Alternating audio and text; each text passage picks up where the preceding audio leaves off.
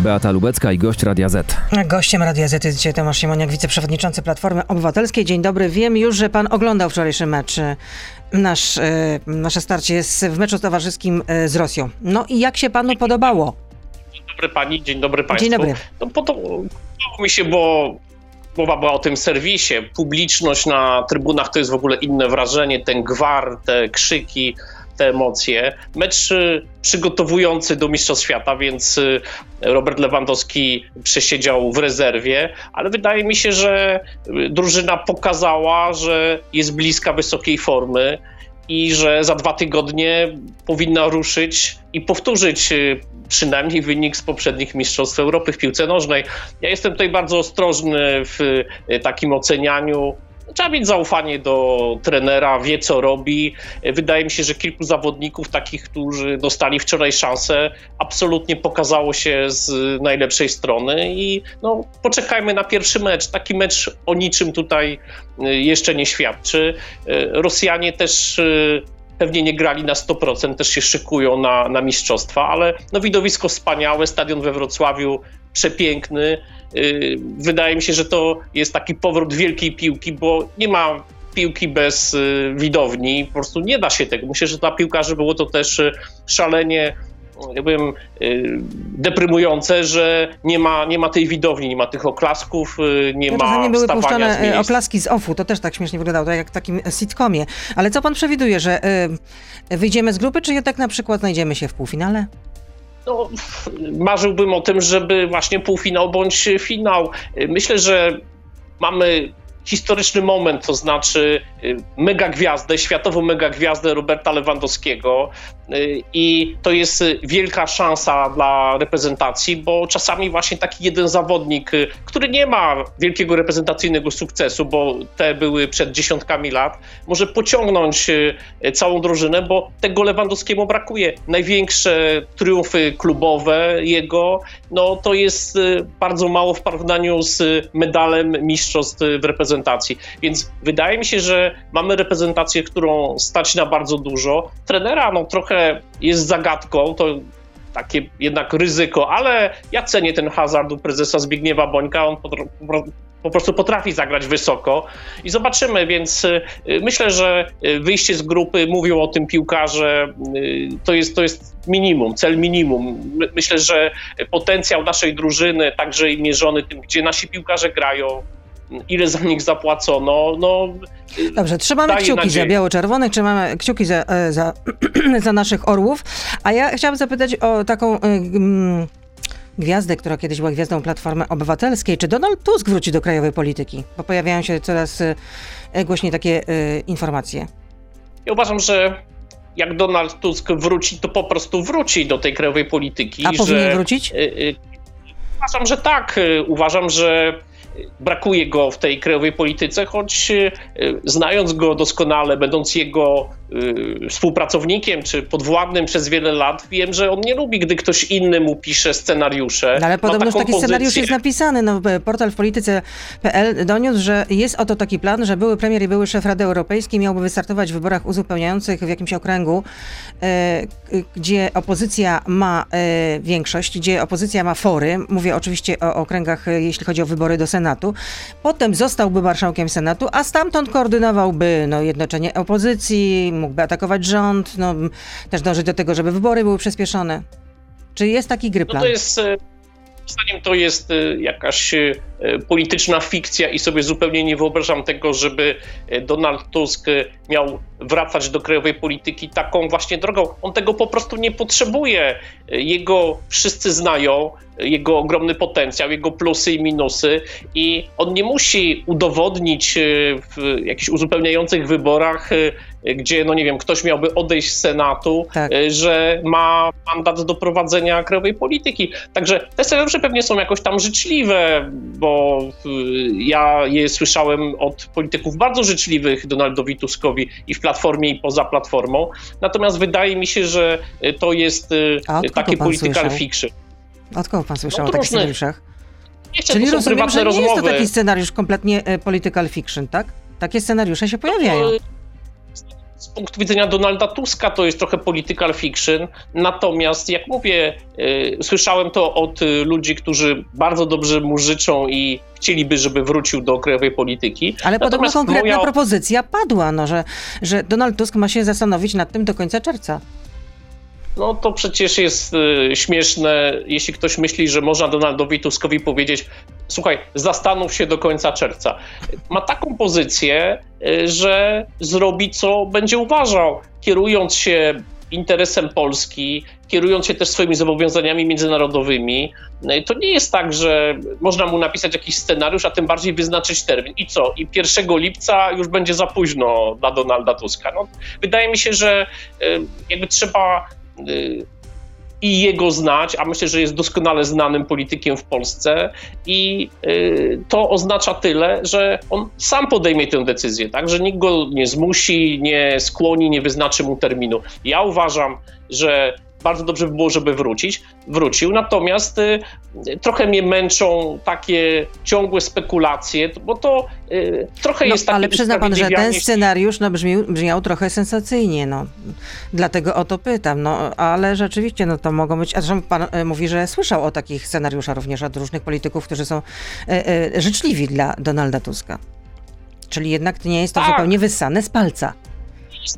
To, wyssane z palca, nie wiem co na to y, sam Donald Tusk. y, Natomiast y, ja uważam, że po prostu jak będzie chciał, to wróci. Natomiast szkodzą opozycji i platformie takie ciągłe spekulacje, bo to jest takie przekonanie, że no, my już nic nie musimy robić, po prostu czekajmy na tego Donalda Tuska, a jak nie wróci, to co? To czyja wina będzie? Więc to nie może być tak, że jest to jakiś powód do samousprawiedliwiania się, to jest po prostu nasz ogromny atut. Znaczy, ja nie rozumiem tego, jak ktoś uważa, że to jest problem. Znaczy, to, że my mamy Donalda Tuska, przecież jest członkiem Platformy cały czas, jest w Europejskiej Partii Ludowej, może się włączyć aktywnie. Mamy Rafała Trzaskowskiego, mamy wielu polityków, e, którzy naprawdę mają ogromny potencjał i to jest plus, a nie minus. No Więc tak, że wiesz, e, nie, nie przekłada to się zupełnie na sondaże. Ja wiem, że pan powie, że sondaże to oczywiście to nie jest realny wynik, bo realny wynik to jest przy urnie, no ale ostatnie sondaże, właściwie ciąg tych sondaży pokazuje, że y, straciliście pozycję lidera na opozycji, no i nawet Bronisław Komorowski, y, będąc gościem Radia Z, mówił, że on już nie wierzy, że Platforma Obywatelska y, ten prymat po stronie opozycji odzyska.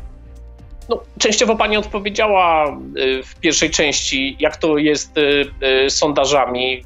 Bywają gorsze, bywają lepsze. Ja ale tu jest ciąg tutaj, takich samych, więc to nie może być przypadek. Ale mają to do siebie, że sondaże, że też się zmieniają, też się odwracają. Ja uważam, że y, moment jest taki dość szczególny w polskiej polityce, y, która tak trochę zastygła y, w pandemii i po stronie rządzących, i po stronie opozycyjnej. I spodziewam się, wcale nie wiem, czy to będzie dobre dla nas, ale że od września, października mocno wszystko ruszy, że te półtora roku pandemii, dość specyficznego działania, dość y, mocnego skupienia się obywateli, no nie wiem, na zdrowiu, życiu z- i, i y, tutaj to powoli, powoli zacznie odchodzić do przeszłości i zobaczymy, kto w tej polityce y, będzie miał y, więcej do powiedzenia. Dla Tutaj nas, muszę- dla takiej Tutaj partii, muszę niestety czwartej, Tutaj muszę niestety postawić pauzę. Jest część radiowa za nami. Tomasz Siemoniak z nami zostaje. No i słyszeliśmy, że y, Donald Tusk wróci do krajowej polityki tylko wtedy, kiedy sam zechce. To tyle w części radiowej. Jesteśmy na Facebooku, na Radio ZPL, na YouTubie. Tomasz Siemoniak z nami zostaje. Beata Lubecka, zapraszam. A teraz zapytam, kiedy zostaną wyciągnięte konsekwencje wobec dwóch senatorów, którzy zawiedli, jeśli chodzi o to bardzo ważne głosowanie w sprawie preambuły do Funduszu Odbudowy w Senacie. Chodzi o senatora Czarnobaja, o senatora Pocieja. No tutaj również gościem Radia Z y, w ubiegłym tygodniu był y, Marcin Kierwiński, czyli sekretarz generalny Platformy Obywatelskiej i zarzekał się, że konsekwencje trzeba wyciągnąć absolutnie tak i to najszybciej jak się da. No i co z tymi skoro konsekwencjami? sekretarz, sekretarz generalny tak mówi, No to mówi. poseł Marcin Kierwiński.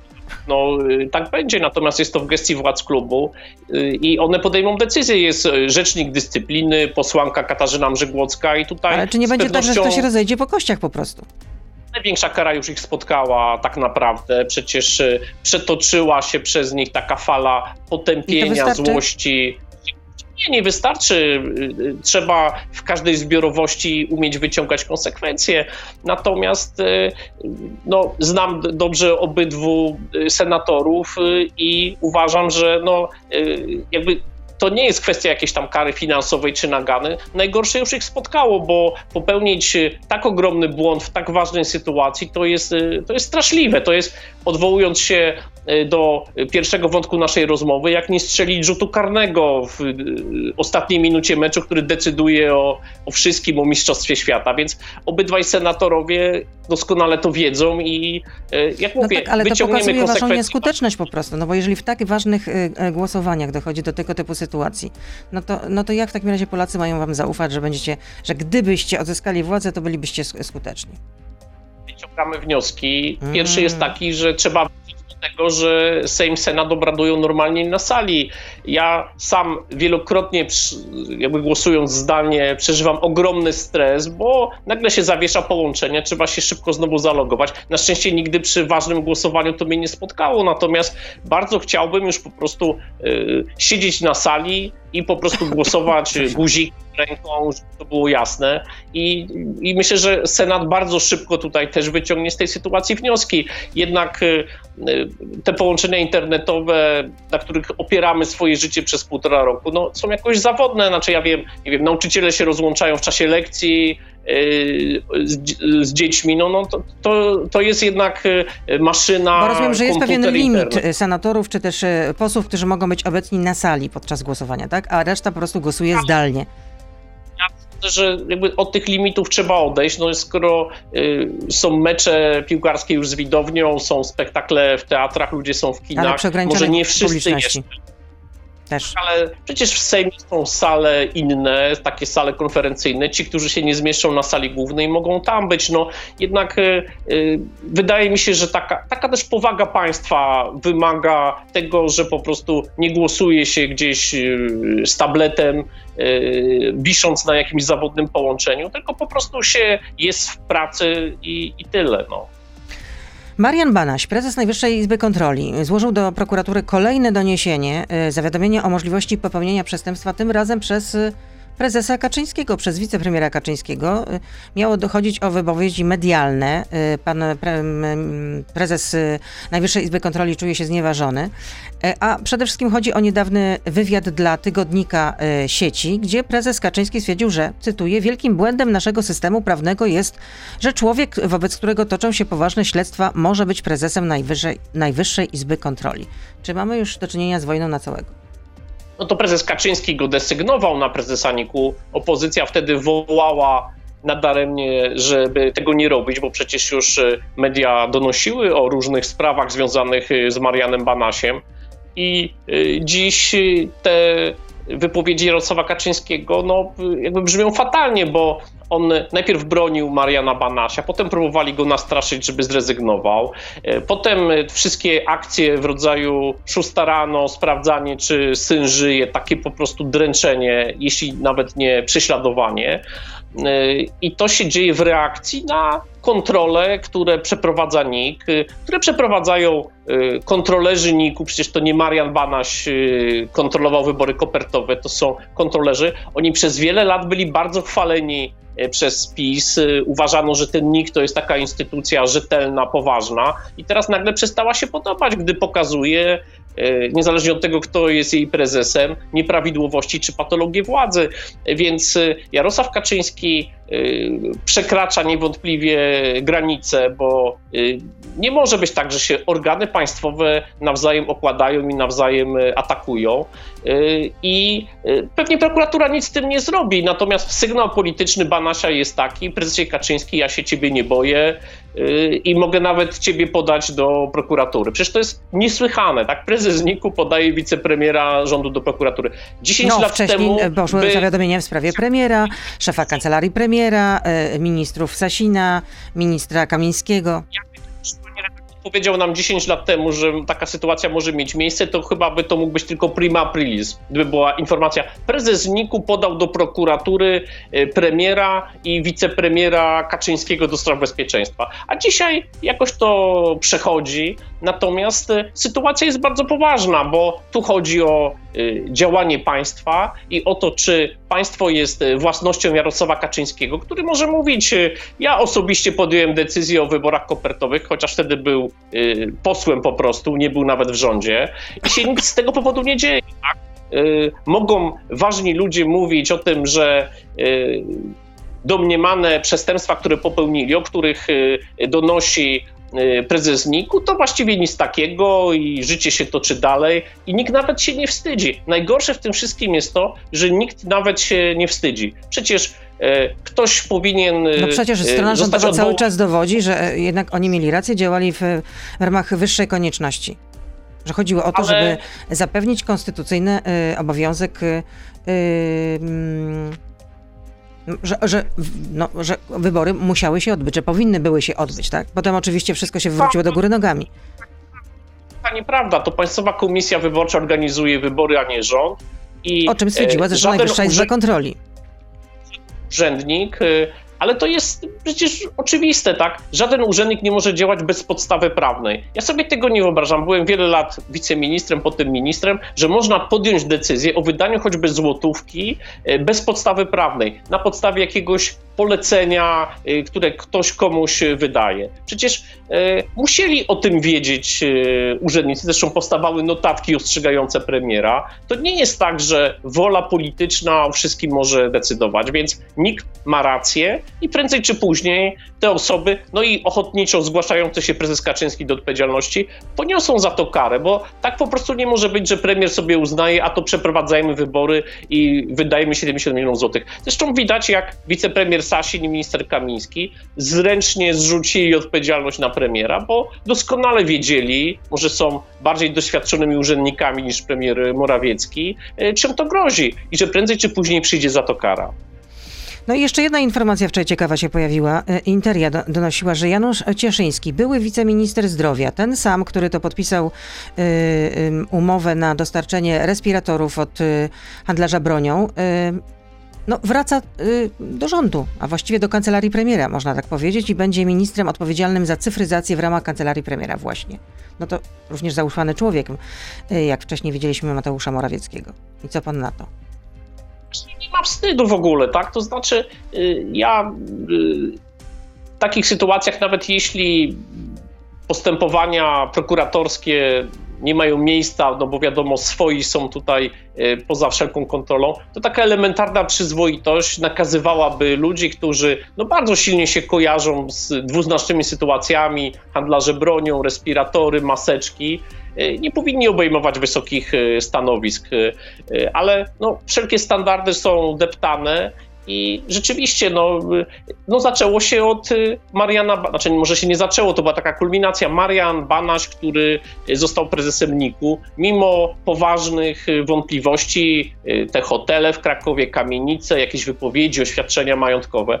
Więc jak Banaś mógł zostać prezesem NIK-u, to i Cieszyński może zostać ministrem. Znaczy to jest element takiej degregolady obozu władzy, która kompletnie się nie przyjmuje już niczym. Wypowiedzi europosła, przecież chyba wiceprezesa PiSu Joachima Brudzińskiego o tym, że nie będzie się tłumaczył e, hołocie i popaprańcom, cytuję to z zażenowaniem, to jest właśnie element tej ogromnej arogancji władzy, e, która po prostu kompletnie się już z nikim i z niczym nie liczy i uważają, że mogą e, każdego, nawet skompromitowanego e, wcześniej urzędnika powołać na dowolne stanowisko. Przykład pana Cieszyńskiego jakby to, to pokazuje. Uważają, że są no bezkarni w tym sensie, że opinia publiczna póki co nie wyciąga z tego wniosków. Ale wydaje mi się, spotkało to AWS, spotkało to SLD, spotkało Platformę, że jest taki punkt, E, po którym opinia publiczna traci cierpliwość. Jest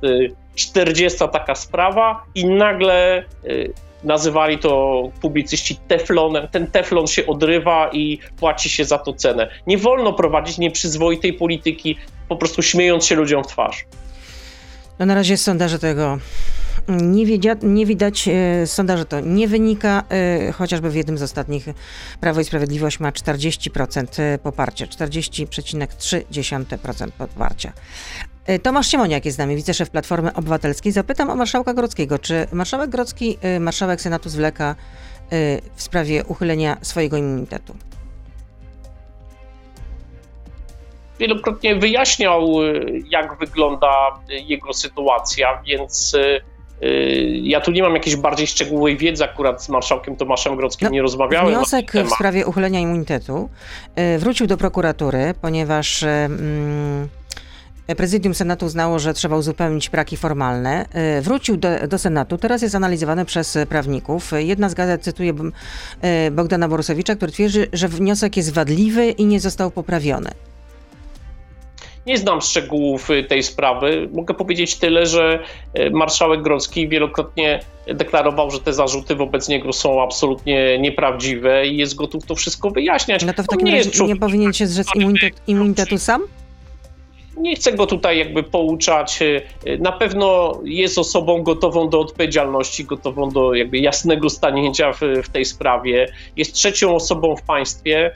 Y, I y, naprawdę, jeśli są jakieś wątpliwości, to tu nie ma powodu do jakiegoś y, jakby pośpiesznego działania. To wszystko, co prokuratura mówiła, to i, i inne służby na ten temat, no to jakieś to było jakbym powiedział, bardzo grubymi nićmi szyte i po prostu był atakowany, gdy jakby robił swoje, tak? Y, wcześniej jakoś tych wszystkich ludzi, gdy był zwykłym senatorem czy, czy lekarzem, jest przecież y, wybitnym lekarzem, jakoś tych zarzutów i tych ludzi nie było, więc wydaje mi się, że to jest po prostu atak polityczny i że to jest element metod, które władza stosuje wobec ludzi sobie niewygodnych. I o tym trzeba przede wszystkim pamiętać. I ja uważam, Tomasz Grodzki jest, y, jakby znam go od lat, jednym z najporządniejszych ludzi w polskiej polityce. I też o tym pamiętajmy, tak, że po prostu w Polsce mówi o tym Banaś, to Banaś mówi o bolszewickich metodach, on zna PiS, sam ich y, doświadcza,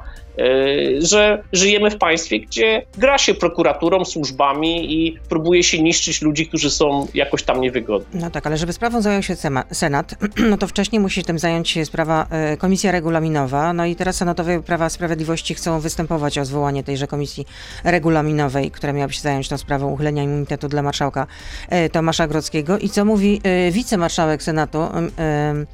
Marek Pęk z Prawa i Sprawiedliwości. Chcemy zmobilizować do jakich działań pana marszałka Krockiego, bo póki co ta sprawa stoi, czy też jest już po prostu przeciągana tak, by Izba nie mogła zająć się sprawą immunitetu. Wniosek był złożony przez prokuraturę, odesłany, teraz powrotem został wysłany do Senatu i z tego co wiem, to nic się w tej sprawie nie dzieje jest wicemarszałkiem Senatu, pan, pan Pęk, więc y, niech działa, jest w prezydium Senatu. Y, ja nie chcę wierzyć w to, że y, marszałek Grodzki Tylko czy to próbuje... jednak nie wygląda na, jednak na jakąś grę na zwłokę? Nie znam szczegółów, panie redaktor, no nie, nie jestem senatorem i jakby dowiaduję się od, o, o, o tej sprawie od pani. Zapytam przy najbliższej okazji, bo uważam, że tutaj jakby nie ma powodu, żeby powstawały jakieś, jakieś wątpliwości. Jak mówię, nie mam, nie mam najmniejszego cienia z kolei co do y, y, uczciwości marszałka Grodzkiego i, i, i, do tego, że jakby kieruje się wielką przyzwoitością w polityce i w działaniu. I z pewnością nie pasuje mi kompletnie do niego, żeby miał teraz jakieś sztuczki robić w Senacie i, yy, i opóźniać cokolwiek. Zwłaszcza, że przecież w Senacie no, mamy większość, tak, więc yy, tutaj tym bardziej wydaje mi, wydawało mi się dziwne jakieś opóźnianie dyskusji i decyzji Senatu w tej sprawie. A czy Ireneusz y, Raś i Paweł Zalewski mają szansę na powrót do Platformy? Oczywiście, że tak. Y, zajmie się nimi sąd koleżeński i y, pamiętając tutaj różne sytuacje z przeszłości, też osób wykluczanych, y, y, sąd czasami w pewnych przypadkach się przychylał do tego, żeby cofnąć te decyzje. Wszystko zależy od samych zainteresowanych, od tego, czy zechcą wycofać się, przeprosić za niektóre swoje sformułowania. Ja tego, ja tego nie wiem. Akurat y, spotkałem y, posła Ireneusza Rasia kilka dni temu na ulicy w Warszawie, rozmawialiśmy. Był świeżo po złożeniu tego odwołania, Paweł Zaleski zresztą też, więc zakładam, że skoro się odwołują, to zależy im na tym, żeby do Platformy wrócić a też uważam, że. No po prostu czują się tak... pokrzywdzeni, że zostali wyrzuceni w taki, nazwijmy to, mało elegancki sposób. Sąd koleżeński to oceni. Y, w polityce czasami być może tej elegancji brakuje, natomiast no, liczy się tutaj realizacja jakichś celów. Czy ja wyrzucanie ludzi wiem, wtedy, kiedy Platforma Obywatelska no, jest w opałach jednak, nazwijmy to wprost, no, jest w kryzysie?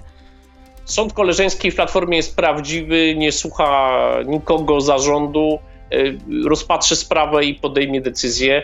Przecież y, gdyby nie wierzyli w rzetelność sądu Rajs Zaleskim, to by się do niego nie odwoływali. No zobaczymy, dajmy tutaj taką ciszę na tę sprawę, no bo y, zresztą obydwaj posłowie jakby szanują to, że jak już jest sprawa w sądzie koleżeńskim, to no, nie wypowiadają się szczególnie szeroko publicznie na ten temat. Poczekajmy, zobaczymy. Ja uważam, że e, zawsze e, lepiej jest e, iść w kierunku pozytywnym niż kogoś wykluczać, tak? Choć głosowałem za i uważam, że ta decyzja była słuszna, ale minęło kilka tygodni. Jak mówię, wszystko w rękach dwóch zainteresowanych. I teraz też by pan zagłosował za wyrzuceniem tych dwóch posłów? Tak, tak.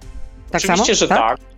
Uważam, że y, nie wolno przekraczać takiej granicy, w której y, atakuje się kierownictwo i mówi się, że to kierownictwo powinno być wymienione. Nie znam partii, instytucji, firmy, w której y, można tak działać, jeśli się nie wyczerpało możliwości wewnętrznej wypowiedzi. Tak? Mieliśmy posiedzenie Rady Krajowej, każdy mógł zabrać głos, były głosy też bardzo krytyczne, i nikomu za to włos z głowy nie spadł. Natomiast y, obydwaj posłowie y, mają tam jakieś swoje wytłumaczenia, ale w takiej sytuacji głosu nie zabrali. Wydaje mi się, że chodzenie do mediów i dyskusja przez media, jeśli się nie wykorzystało możliwości rozmowy w środku, no to to jest przekroczenie granicy. Natomiast polityka toczy się dalej i, i ja w, będąc długo w polityce, no już widziałem wiele różnych sytuacji, gdzie wydawało się, że ludzie, którzy nigdy sobie ręki nie podadzą i już się na dobre pokłócili, wracali do współpracy. To jest trochę y, bym powiedział, taka normalna y, działalność zawodowa, tak? Znaczy tu nie trzeba ze sobą jeździć na wakacje albo na czerwcówki, ale po prostu trzeba umieć ze sobą współpracować, tak? I za dużo jest tych emocji w polskiej polityce w ogóle, takich osobistych, tak? Znaczy, yy, znam trochę politykę w innych krajach. Tam nie ma takiego obrażania się nawzajem, takiego personalnego, tak, żeby coś yy, ostrego o kimś powiedzieć. No, czyli tutaj piaskownica po prostu. Proszę? Czyli tutaj piaskownica, no skoro jest po prostu jeden obraża się na drugiego i nawzajem. Trochę dzieci nada. Są pytania od słuchaczy. Michał pyta, w jaki systemowy sposób zlikwidować nepotyzm w spółkach Skarbu Państwa? Konkursy, tak?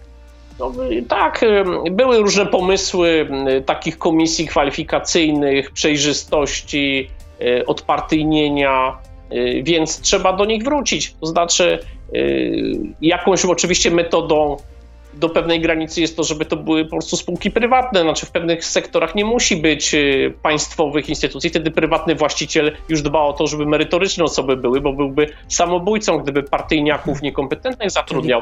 Natomiast y, Natomiast tam, gdzie uważam, jest cały sektor, którego nie powinno się prywatyzować, strategiczny, no to y, przejrzystość, konkursy, i y, jakieś ciała składające się, nie wiem, z profesorów z uczelni, cieszących się dużym autorytetem i zaufaniem, które decydują o tym, y, kto może w, w takich radach, czy w zarządach, czy na stanowiskach dyrektorskich y, zasiadać.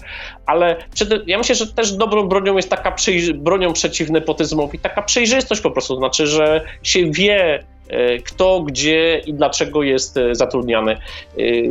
Przez 30 lat tego problemu nie udało się rozwiązać. Był taki projekt zarządów Donalda Tuska, komitetu kwalifikacyjnego, premier Bielecki wtedy mocno to promował. Myślę, że do tego trzeba wrócić, to znaczy, e, że... E, I dlaczego nie będzie... udało się wtedy tego wcielić w życie, chociaż wtedy Platforma Obywatelska razem z PSL-em mieli większość e, w Sejmie? Przyzna, pani redaktor, przyzna pytający słuchacz, że skala nepotyzmu w tej chwili przekracza wszelkie standardy, które e, obowiązywały wcześniej. To znaczy, i to ja nie mówię nawet tylko o jakichś prezesach spółek, ale mówię o tym, e, co się dzieje w spółkach Skarbu Państwa. Zatrudniani ludzie za pensje wielokrotnie wyższe niż dotychczasowi pracownicy, to jakiś dział w marketingu, bo tam niby nie trzeba się na tym znać. Poszło to bardzo daleko i dziś rzeczywiście legitymacja partyjna jest dla wielu przepustką do wysokich zarobków bez specjalnego przemęczania się. To trzeba przeciąć, bo wydaje mi się, że nawet sam PiS zaczyna jakby mieć z tym problem, bo zawsze lepiej postawić na kompetentnego, ale no nie swojego, jakiegoś apolitycznego urzędnika, bo on będzie skuteczny, on ostrzeże przed problemami. A jaki jest partyjniak, aparatczyk, to on tylko się interesuje tym, żeby e, dużo, dużo zarabiać, nie przemęczać się i mieć, nie wiem, Y, samochód i nowoczesny telefon komórkowy. To jest y, niszczą, niszczy absolutnie sferę publiczną w Polsce tego rodzaju podejście. Dobrze, i tutaj postawmy kropkę. Gabriel pyta, dlaczego banuje pan bez powodu? Wstawiłem tylko filmik, jak przemawia pan do lampki, od razu ban. No gdzie ta otwartość na Polaków i umiejętność dialogu? Przemawiałem do mikrofonu i, i akurat yy, i akurat yy, oślepiony światłem telewizyjnym, też razem z mikrofonem skierowałem swoją stronę y, w swoją stronę lampkę, co stało się powodem do różnych memów i śmiechu. Jakby moja pomyłka jakby nieistotna. Natomiast y, y, jeśli Y, ktoś, y, y, nie wiem z jakim komentarzem ta osoba to wstawiła, jeśli komentarze są wulgarne, złośliwe, wtedy, wtedy baduję. Nie znam konkretnie tej sytuacji. Jestem, powiedziałbym, bardzo cierpliwy wobec krytyki pod swoim adresem. Natomiast jeśli padają słowa wulgarne bądź obraźliwe, to, to wtedy rzeczywiście, a, a pochodzą na ogół z jakichś anonimowych kont, bez zdjęcia i bez podania osoby, no to staram się takie osoby blokować uważając, że jakby mówiłem o tym wcześniej, za dużo jest y, y, obrażania się wzajemnego i y, no, takiego braku tolerancji do, do błędów, bo na, naprawdę to, co się dzieje w internecie, też, też właśnie jakby na Twitterze, przechodzi wszelkie granice. Znaczy, to jest coś, co powinno budzić najwyższy niepokój, bo jakoś nie mogę zrozumieć, dlaczego ludzie, którzy no przecież normalnie gdzieś pracują czy uczą się, mają rodziny, siadają do komputera i wstępują w nich demony i tylko czekają, żeby kogoś y, obrazić, na kogoś naskoczyć. No, mamy takich sytuacji każdego no, tam dnia. właśnie anonimowo znajdują ujście właśnie dla takich, y, dla takich no, bardziej mrocznych zachowań, nazwijmy to w ten sposób. Jest kolejne pytanie. Czy może pan powiedzieć, ile dostał pieniędzy z nagród, kiedy był pan szefem MON? Zero złotych, nie dostałem żadnej nagrody. E, Donald Tusk ani Ewa Kopacz e, takich nagród nie, e, nie dawali ministrom w swoich rządach, więc nawet by mi do głowy nie przyszło, żeby kogoś zapytać, czy się tym interesować. Zero złotych. Łukasz, Sławomir Nitras w jednym z majowych wywiadów powiedział, że nawet przez sekundę nie wierzyłem w możliwość rządu technicznego. Czy nagonka, którą PO urządziła na lewicę, była rzeczywiście uzasadniona z perspektywy czasu? Ale to jest y, jakby kwestia oceny. Ja też y, byłem sceptyczny wobec tego, czy to się uda. Natomiast y, ja mam zaufanie do tego, co mówi na przykład prezes Władysław Kosiniak-Kamysz, który udzielił wywiadu opowiadając o tych rozmowach. E, więc no, w polityce, zwłaszcza gdy się coś nie zrealizuje, mogą być różne oceny, co by było gdyby. Więc Sławomir Nitras nie wierzył, ktoś wierzył. E, a wydaje mi się, że, że, że to prawda jakoś tam e, po środku leży. E, jak mówię, ja byłem bardzo sceptyczny, dlatego że uważałem, że i uważam dalej, że obóz władzy, mimo pęknięć emocji, nerwów, przepychanek, jeszcze jest za silny i za bardzo scalony, i nikt tam nie ma interesu, żeby ten obóz władzy rozrywać. Jak się wybory zbliżą, będzie rok do wyborów, to myślę, że będziemy świadkami e, bardzo dramatycznych wydarzeń w obozie rządzącym. Będzie to samo, co, e, co się działo w AWS-ie czy, czy w SLD, bo widać, że te poszczególne grupy, czy nawet przecież to są, to jest kilka partii, za moment może cztery, jeśli Adam Bielan założy swoją partię, e, już nie mogło na siebie patrzeć, tak? Znaczy to, ja to obserwuję, więc to się na pewno wydarzy. Tylko, Natomiast... że pytanie dotyczyło czegoś, czegoś innego. Dlaczego urządziliście nagonkę na lewicę? E, pytanie dotyczyło y, opinii Sławomira Nitrasa. Ale czy, czy, w tym kontekście nagonka na lewicę miała sens?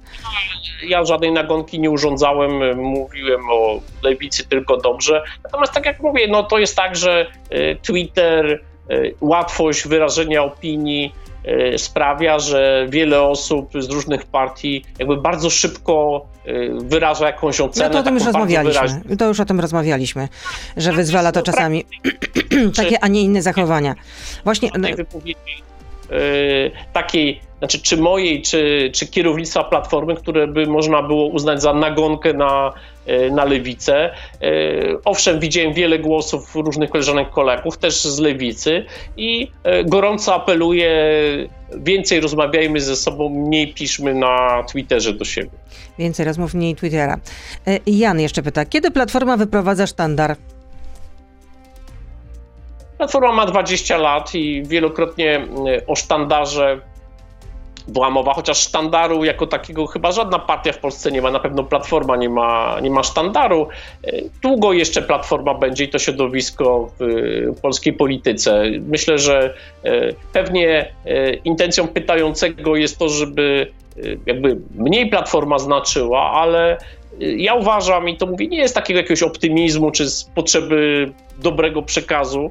Y, Uważam, że mamy bardzo silne fundamenty i nawet w poważnych kłopotach, przy gorszych sondażach y, mamy, y, mamy z czego się odbijać, bo mamy kilkaset, kilka tysięcy osób, które na tę platformę postawiły i to jest i kilkanaście osób publicznie bardzo wysoko ocenianych od lat i, i, i to jest ogromny potencjał. Czyli Także, jednak jest y, dyżurny optymizm. A kiedy deklaracja ideowa? Bo pan za nią odpowiada. jest gotowa, jest gotowa już y, od jakiegoś czasu i A kiedy ją poznamy? przewodniczący, y, przewodniczący chce ją najpierw skierować na posiedzenie zarządu, żeby tutaj odbyła się dyskusja, wnieśli koleżanki i koledzy uwagi, więc spodziewam się, że jeśli dostanie ją 30 członków zarządu, więc w jakiejś sensie się stanie publiczna. Natomiast y, zapewne przyjmiemy ją formalnie, bo to musi zjazd, czyli kilkaset osób. Y, To będzie wrzesień, październik, tak, y, tak zakładamy. Natomiast, y, jak mówię, tekst jest gotowy, jest y, w moim przekonaniu tekstem bardzo dobrym, bardzo szerokim, uwzględniającym całą tę wielką dyskusję, którą odbyliśmy. I gdyby nie pandemia, pewnie byśmy już ją w czerwcu na zjeździe przyjmowali. Natomiast no, wierzę w to, że być może we wrześniu już będzie można się normalnie A spotkać. PiS sobie Tak- kongresy na początku lipca, z tego co mnie pamięć nie myli. Ale to kongresy PiSu to są takie ceremonie ku czci. E, Tam nikt o niczym nie decyduje, więc to będą tylko pewnie jakieś przemówienia prezesa i premiera Morawieckiego, a z pewnością muszą e, jakieś reżimy sanitarne tutaj e, zachować, mhm. więc tak, znaczy ja nie interesuję się kongresami PiSu, choć interesuję się PiSem z racji rzeczy i tym, co mówi prezes Kaczyński, bo wiem, że to są kompletnie fasadowe i y, zebrania pozbawione jakiejkolwiek, znaczy wyreżyserowane od początku do końca. My na temat tej choćby deklaracji ideowej będziemy prowadzić, prowadzić prawdziwą dyskusję. Ale najwcześniej ktoś poznamy ją we wrześniu, no może w październiku. Tak, tak mam to rozumieć, tak? Jeżeli będzie tak, dyskutujemy o tym, jak to zrobić, że przyjmie projekt Rada Krajowa, posiedzenie Rady Krajowej jeszcze w lipcu, no to poznają Państwo ten projekt, który może potem jednak być skorygowany w lipcu. Tutaj nie ma powiem, żadnej jakiejś tajemnicy, żadnego drugiego dna. Jest to gotowe, natomiast y, statut wyraźnie mówi, że taki dokument musi zjazd No y, tak, tylko przyjąć. początku słyszeli, słyszeliśmy, że to będzie z okazji od dwudziestolecia istnienia Platformy Obywatelskiej. Tak się jednak nie stało. Ja wiem, była pandemia. Tomasz Siemoniak, 20 wiceprzewodniczący. Yy, Tomasz Siemoniak, wiceprzewodniczący Platformy Obywatelskiej był z nami. Nieustająco życzę zdrowia, do usłyszenia, do zobaczenia, dobrego dnia, życzę, kłaniam się. To był gość Radia Z. Słuchaj codziennie na playerze i w Radio Z.